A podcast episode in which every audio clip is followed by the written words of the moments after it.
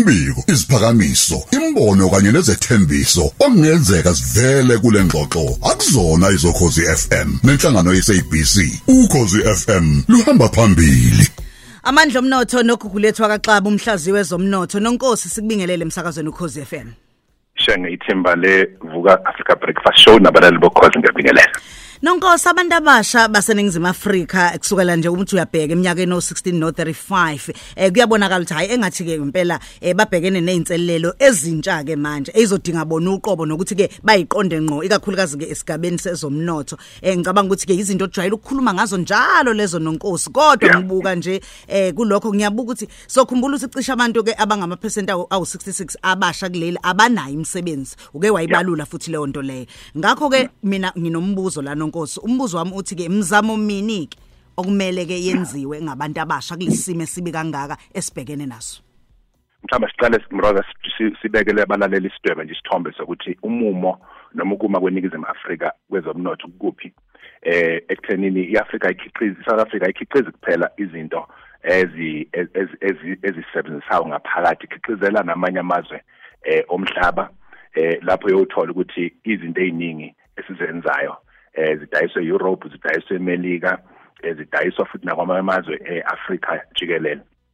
Lokusho ukuthi umnotho wethu ukwencika kwawo wencike ekuthenini kufanele sikwazi ukuba nalokho engakubiza ukuthi ukubalansa kahle no ekuthenini lamanye amazwe athini ngathi noma enzani nathi njalo njalo. Lokhu ngikubeka ngoba kubalekile ukuthi si sicacise ukuthi njengamanje sisesimene sinzonzo la eningizimu Afrika abantu abasha abaningi benganamsebenzi nezinga lobubha lenyuka.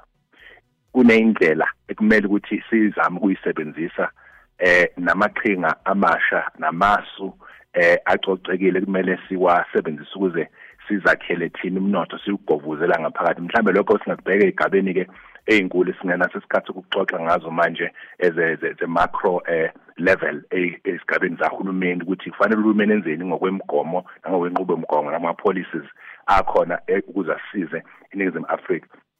Uma ngiselapho nje ungabuka ukuthi kwenzakalani njengamanje njoba kuzi BRICS la iningizimu Afrika iba nenkinga yokuthi akufanele imukele umongameli uPutin ngoba kunonswenyo olwenziwe eRussia ngenxa yeUkraine neRussia impenze kakhona. Eh ukutrade kwethu neAmerica njengamanje kukhulu kakhulu. Kuthunyela ithimba njengoba sikhuluma nje ukuyonxenxe yeAmerica ukuthi ingabi sisinswinya ngoba uma besinswinya kusho ukuthi kusazoba khona inkinga eziningi nezinkulu kakhulu. Uma ungabuka nje la eningizimu Afrika ngenyanga edlule kuphela eh iningizimu Afrika idayisa eh lokho kuthiwa ama bond nama equities idayisela amanye amazwe nabanye abantu abasuke bezothenga ukuze bafake imali ngoba sinayo imali eyanele ngaphakathi. Cishe inyanga edlule iyodwa ngenxa yokutenga ntenga kwesimo sezomnotho nerandi eliwayo eh kudayiswe cishe eh, ama bonds angaphezulu kwa 60 billion. Kuyaqala lokhu kwenzeke ngokukhulu ukusheshsha nama equities cishe abe u23 billion. Kuyaqala lokhu kwenzeke ngokukhulu ukusheshsha okutshengisa ukuntengantenga kwesimo kusazoba into eqhubekayo.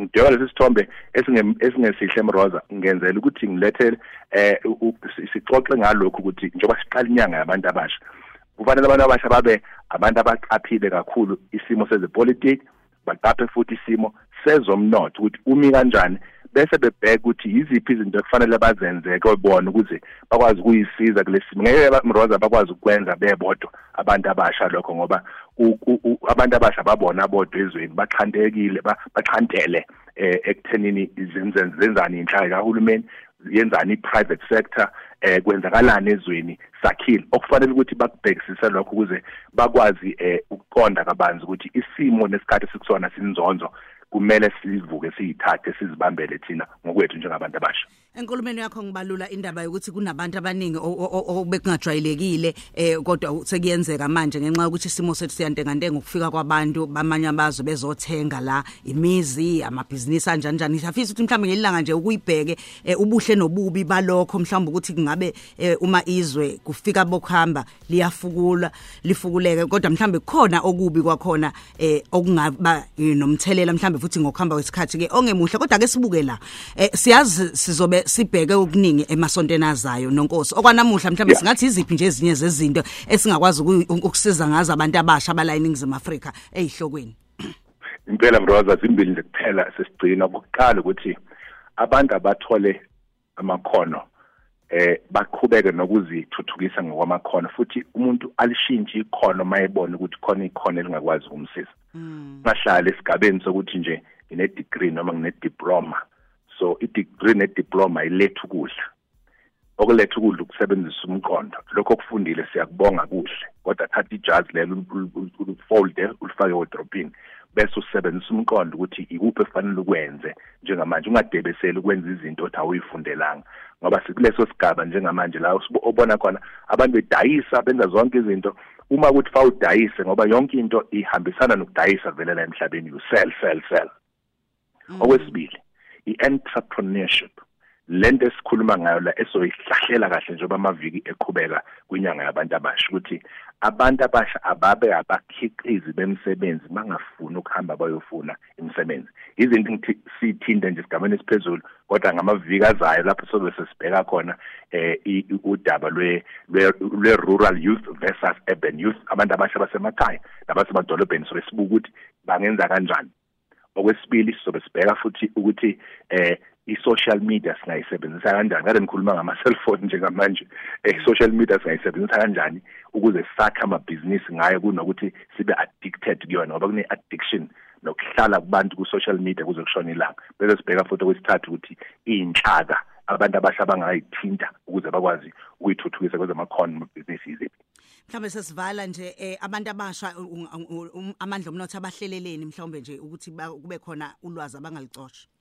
Njalo ngesonto mroza siba nezithangami ezilaphayana kwiZoom. Bangena ubuningi babo futhi siye sibroadcast kwi-amandla omnotho Facebook page eh lapho sizobe sixoxa khona. Simema abanye abantu abasha simema also science simema my economist siba ne discussion ukuvula umqondo wabantu abasha. Abafisa ukulalela landela lezo ngxoxo eziqhubekayo zi-recorded kumandla amandla omnotho Facebook page naku website yethu amandla omnotho.co.za